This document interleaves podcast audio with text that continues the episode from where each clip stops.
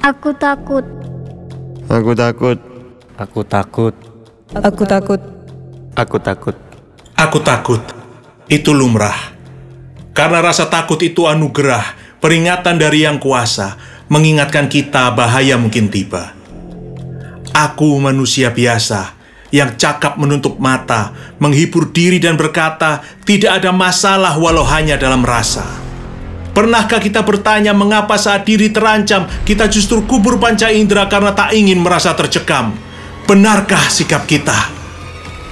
Saat petaka melanda, kita bukan tambah waspada, tapi terpejam walau ancaman tetap nyata. Aku takut, tapi ku tak mau menutup mata.